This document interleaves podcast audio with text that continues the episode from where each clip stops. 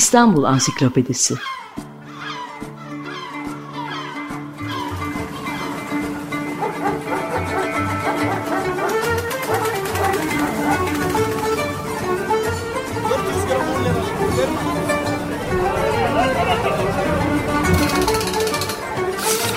İnsanlar, olaylar, mekanlar, gelenekler ve ihtiyaçlar üzerinden şehrin tarihinden sayfalar.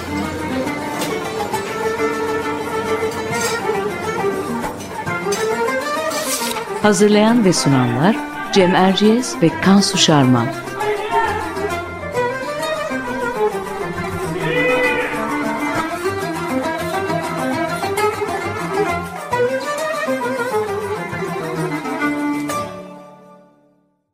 Merhabalar Cem Erciyes ben. Açık Radyo'da Kansu Şarman'la birlikte hazırladığımız İstanbul Ansiklopedisi'nin yeni bir bölümündeyiz. Açık Radyo'nun yeni yayın döneminde de İstanbul Ansiklopedisi olarak sizlerle birlikte olacağız. Bu da yeni yayın dönemindeki ilk programımız oluyor. Dolayısıyla birazcık da alakalı olsun istedik ve İstanbul'da radyo günlerini konu alan bir program hazırladık. Konuğumuz bu konuda uzun yıllardır çalışan, kitap ve sergiler hazırlayan, konuyla ilgili kişilerin gayet iyi tanıdığı akademisyen Profesör Doktor Özden Cankaya. Hoş geldiniz Özden Hanım.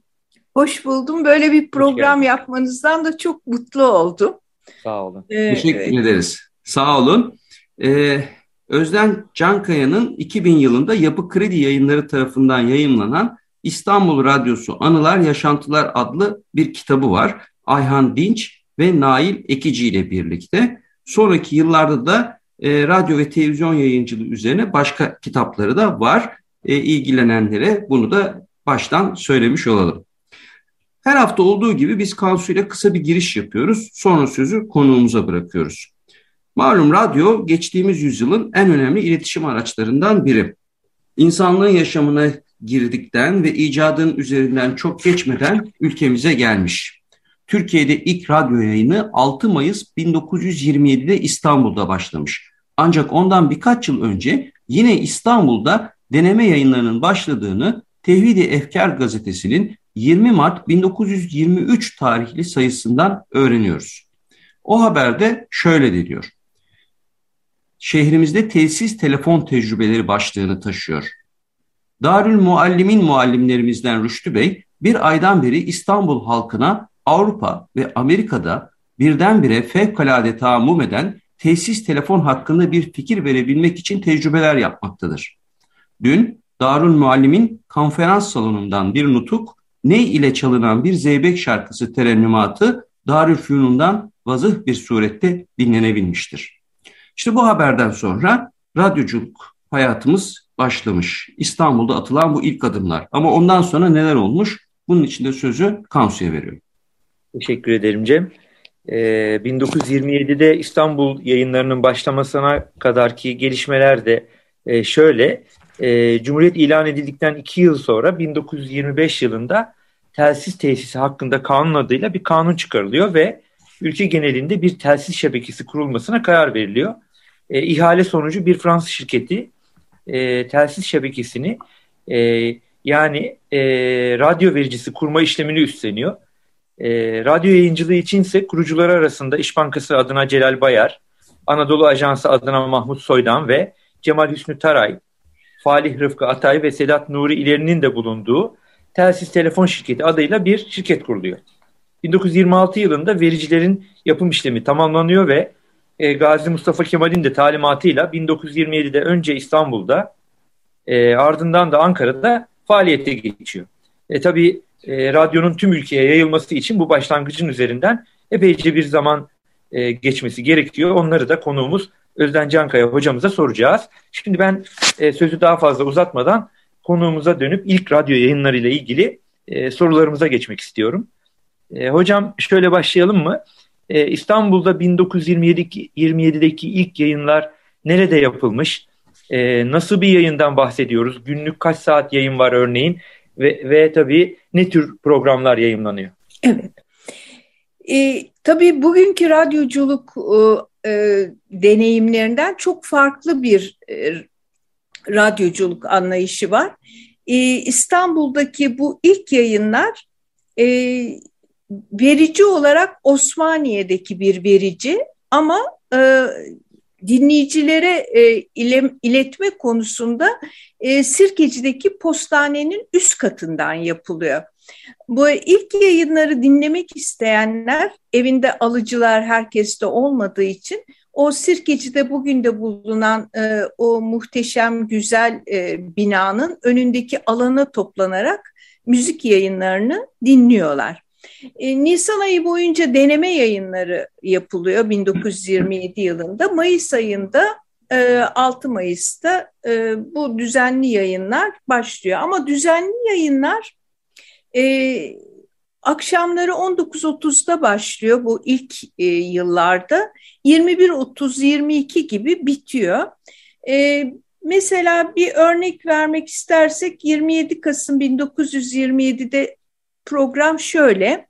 E, Stüdyo Musiki heyetinden Sevkepsa faslı, Esham ve Tahvilat Borsası haberleri, Telsiz Telefon Orkestrası, Zahire Borsası haberleri, Telsiz Telefon Musiki heyeti, Anadolu Ajansı haberleri, Telsiz Telefon Orkestrası, Teganni, Matmazel Apostoldi'den.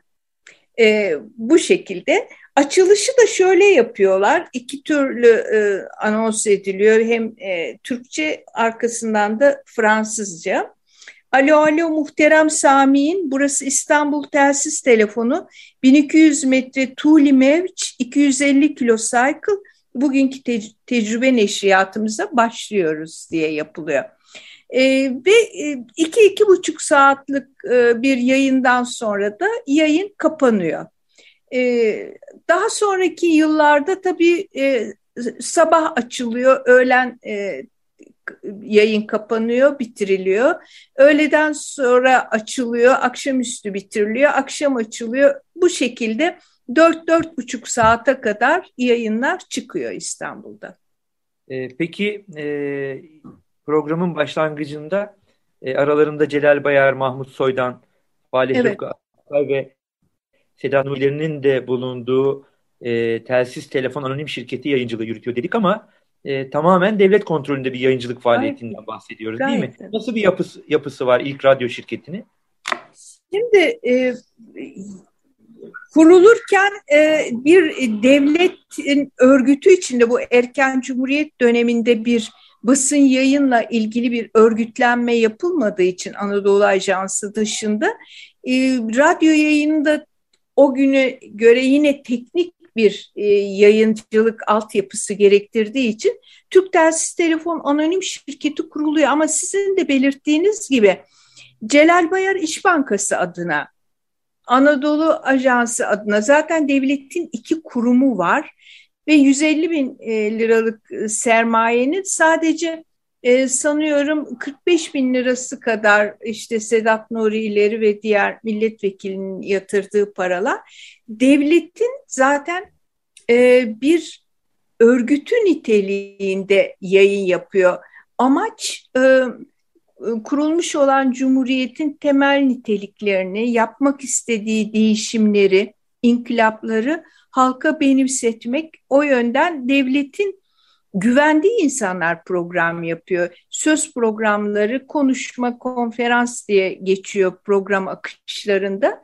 Baktığımız zaman mesela bakıyoruz hukuk programına Adalet Bakanı hukuk e, konuşmalarını o yapıyor.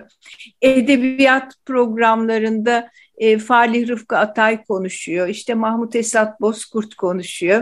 E, bu tür devletin güvendiği kişilerin konuştuğu ve e, devletin yönlendirmesiyle yapılan bir şey var. Ee, yine önemli bir nick olarak şunu da söyleyebiliriz. Batı e, kültürüne yönelik, batı yüzü batıya yönelik bir yayıncılık e, söz konusu e, şeyde e, Türk Ders Telefon'un yayınlarında. E, yani bunu bugünün ticari radyoları gibi tabii ki algılamayız, algılayamayız. Sadece e, belirttiğim gibi teknik nedenlerle bir anonim şirket kurulması ve bu tür e, işlemlerin yapılması, ruhsat alınması, e, radyo alıcısı kullananlardan abonelik ücreti olarak evet. e, ithal e, getirilen e, radyolardan yine fatura üzerinden yüzde 25 e, bir e, bölüm alınması gibi. Bunlar da gelir elde etmeye çalışıyorlar herhalde ama tam tabii, burada tabii. tam burada sormak istiyorum işte yani bu radyo yayınlarını kimin yaptığını nasıl yapıldığını çok güzel anlattık ama bunu bir de dinleyen olması lazım. Dinleyicisinin evet. olması lazım. Ee, sözünü ettiğiniz radyo alıcıları kimlerde var? Ee, kimler dinleyebiliyor? Nerelerde dinlenebiliyor e, o zamanlar için bu programlar? Evet. evet. E, aynı televizyonun geldiği yıllarda televizyon satan dükkanların önünde insanlar birikip e, televizyon yayınlarını izlerlerdi. Radyonun da e, ilk yıllarında radyo alıcısı e, ekonomik açıdan e, fazla e, bir meblağ olduğu için e, herkesin evinde radyo olması mümkün değil. Ancak ekonomik durumu e, iyi olanların evinde radyo var. Hatta e, ilk yıllarda şöyle bir şey anlatayım.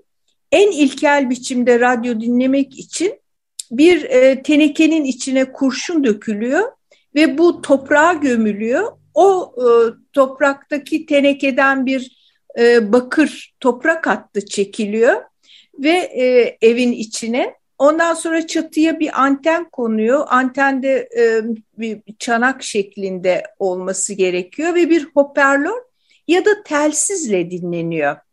E, yani e, radyo bugünkü anlamda bizim e, işte fotoğraflarda sizlerin gördüğü e, mobilya biçimindeki kutuların evlere gelmesi çok daha uzun bir süreci kapsıyor e, insanlar telsiz yardımıyla dinlemeye çalışıyorlar bu tür e, ve radyo olanların evine gidiliyor kasabalarda, küçük kentlerde, İstanbul gibi yerlerde de işte daha genel yerlerde bulunan radyolar işte belki kahvehanelerde zengin insanların evlerinde e, oluyor.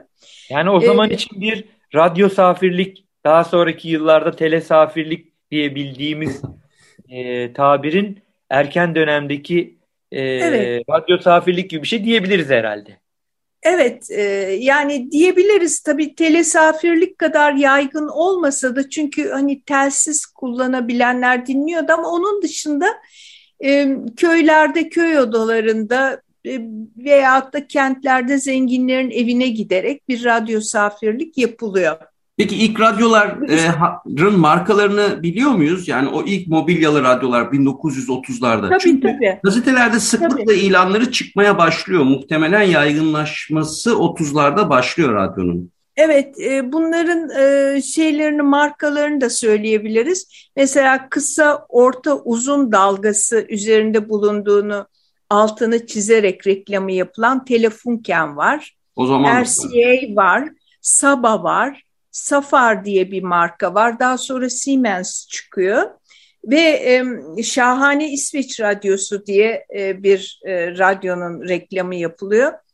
9 lambalı, 10 plak çalar, otoma, otomatik pikaplı, 10 watt çıkışlı, çift hoparlörlü diyor 1950'li yıllara geldiğimizde. Ama ilk yıllarda e, demin saydığım e, markalar görünüyor. Bu radyoları... E, Yine Türk Telsiz Telefon Anonim Şirketi'nin denetiminde Telsiz Telefon e, Pazarı Limited Şirketi diye bir e, şirket kuruyor bu şirket, anonim şirket kendi içinde. E, radyo satışı sadece bunun tekelinde yapılabiliyor. Ve e, Telsiz dergisini çıkaran da bu şirket, Telsiz mecmuasında.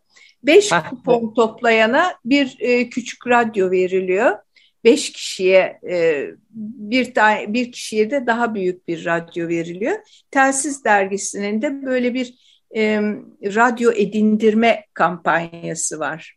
Hocam peki tam da e, çok güzel bir noktaya geldi. Telsiz dergisi mecmuası demişken biraz ondan bahsedelim. İstanbul'da eski harfi Türkçe olarak yayımlanmaya başlanan ilk radyo dergimiz anladığımız kadarıyla. Evet.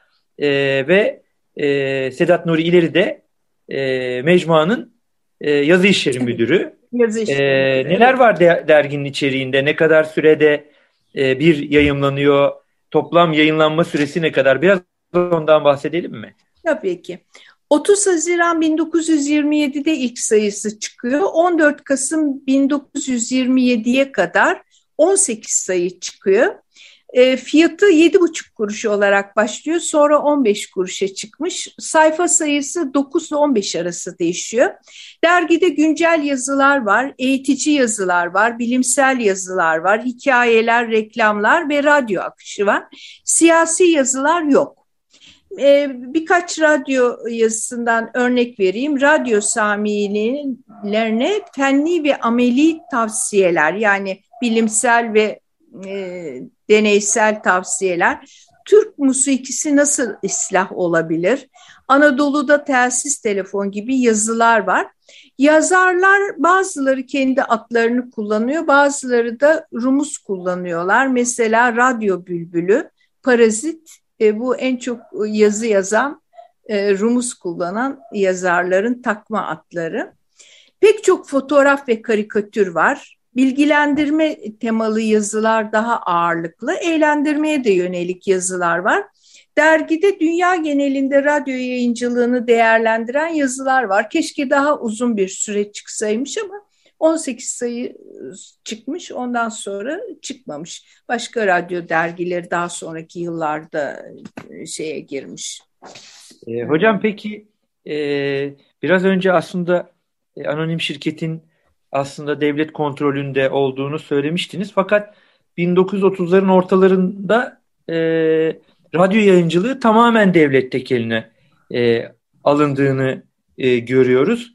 E, neden şirketten vazgeçilerek tamamen devlet e, tekeline alınmış ve nasıl bir yapılanmayla devam etmiş sonra da, sonraki süreç? E, Türk Telsiz Telefon Şirketi'nin bu 10 yıllık imtiyaz süresince ekonomik açıdan çok sorunları olmuş. O sonra tekrar e, şirketin imtiyaz süresini uzatmak istemiş ama e, devlet e, radyonun etkisini gördüğü için siyasal iktidar e, kendi devlet örgütü içinde yapılandırmayı uygun görmüş.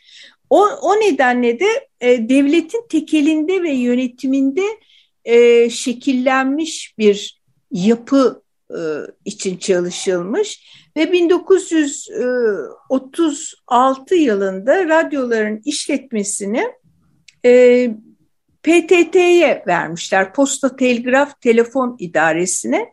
E, PTT de o yılların adlandırmasıyla Nafia Vekaletine yani bugünkü Bayındırlık Bakanlığı'na denk geliyor. E, zaten 1935'te meclisi açılış açış konuşmasında Atatürk radyonun e, e, dinlenme alanlarının arttırılmasından, radyonun e, ucuzlatılmasından, abonelerinden alınan gelirin arttırılmasından, radyo örgütü için bir yasa çıkarılmasından söz etmiş. 36 1936'da da böylece PTT'ye bağlanmış. Ve PTT e, Baş Müdürlüğü'nde 4 Eylül'de İstanbul Radyosu'na PTT Baş Müdürlüğü el koymuş. Bir stüdyo müdürlüğü oluşturulmuş. Bunun işlevsel iki birimi var.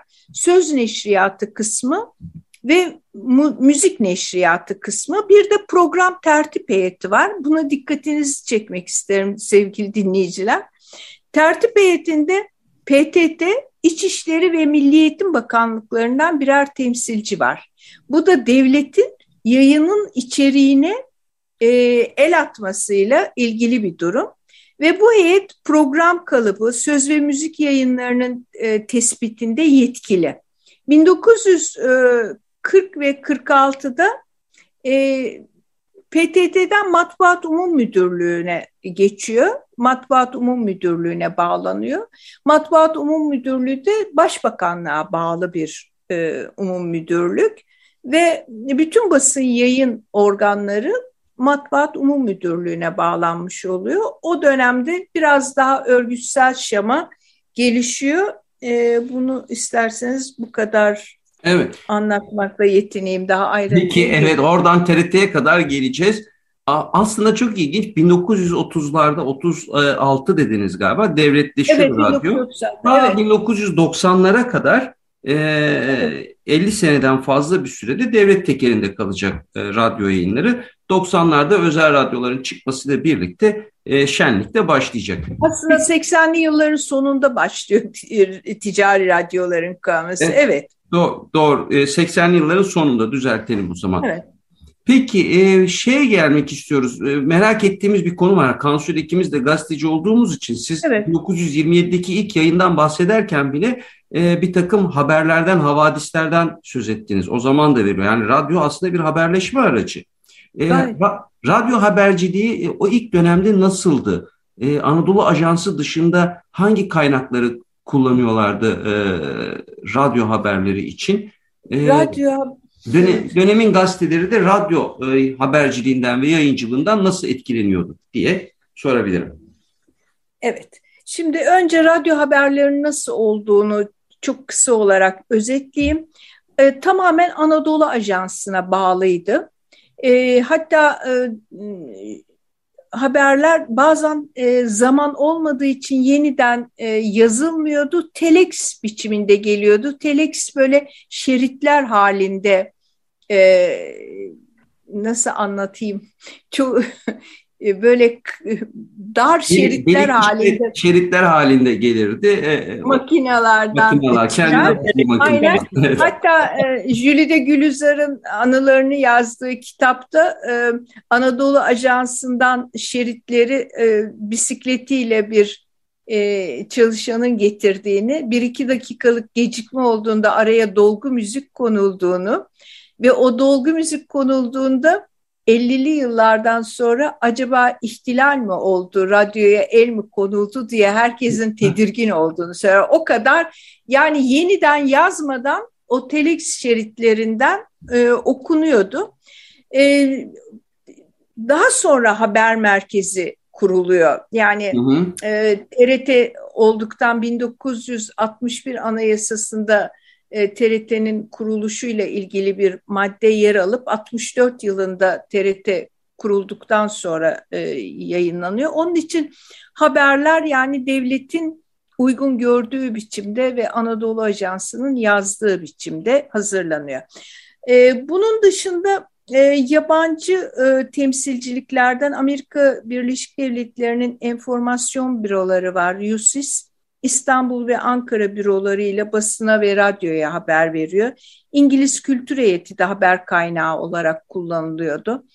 Ee, dış haberler için e, dış radyolar dinlenip o dış radyolardan yapılan çeviriler haber olarak denetlendikten sonra yayınlanabiliyordu.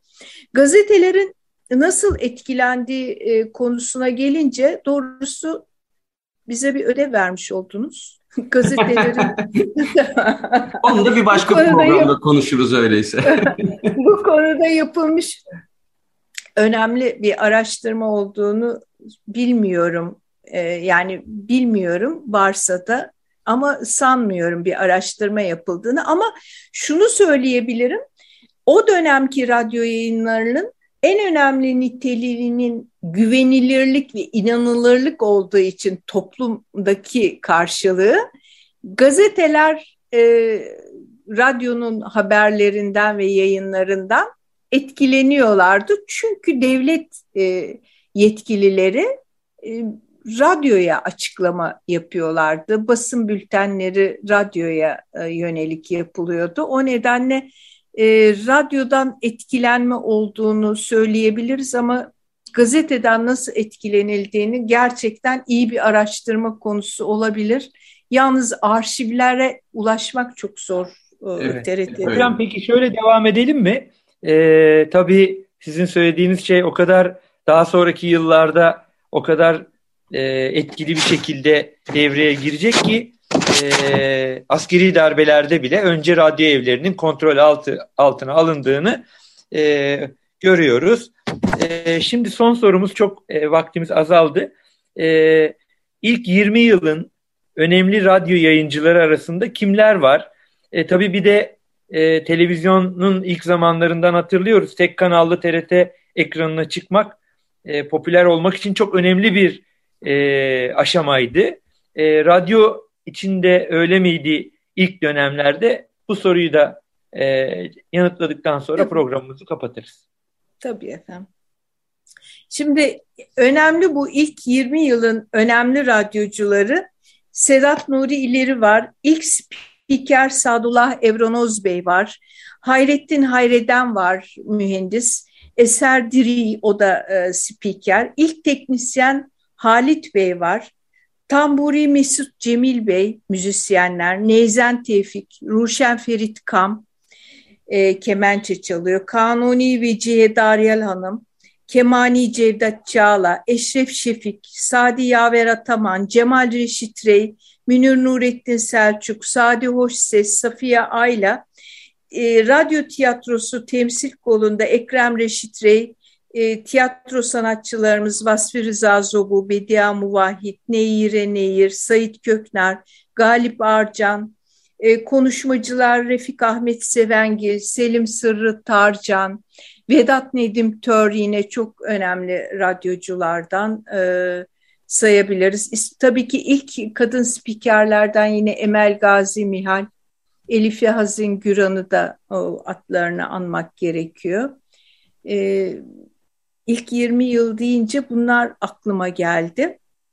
E, arada tabii e, hepsini hatırlayamadığım veya burada sayamadığım olmuştur. E, Ama o dönemde çıkmış taş plaklardan falan da faydalanıyorlardır. Onları da çalıyorlar. Tabii tabii. Tabii tabii. E, zaten müzik yayınlarının çoğu canlı yayın oluyordu ilk bu 20 yıl içinde. telsiz telefon orkestralarını söylemiştim.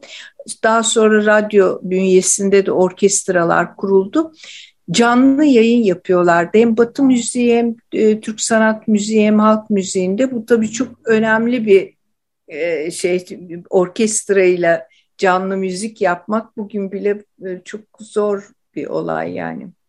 Peki evet. çok teşekkür ediyoruz. Ee, doğrusu o dönem için de 1940'lardan 50'lerden itibaren radyonun popülerliğinin boyutunu basında da radyo dünyası, radyonun sesi, radyo alemi gibi çok sayıda sadece evet. radyo magazinine dönük dergiler çıkmasından anlıyoruz. E, Profesör Doktor Özden Cankaya size çok teşekkür ediyoruz.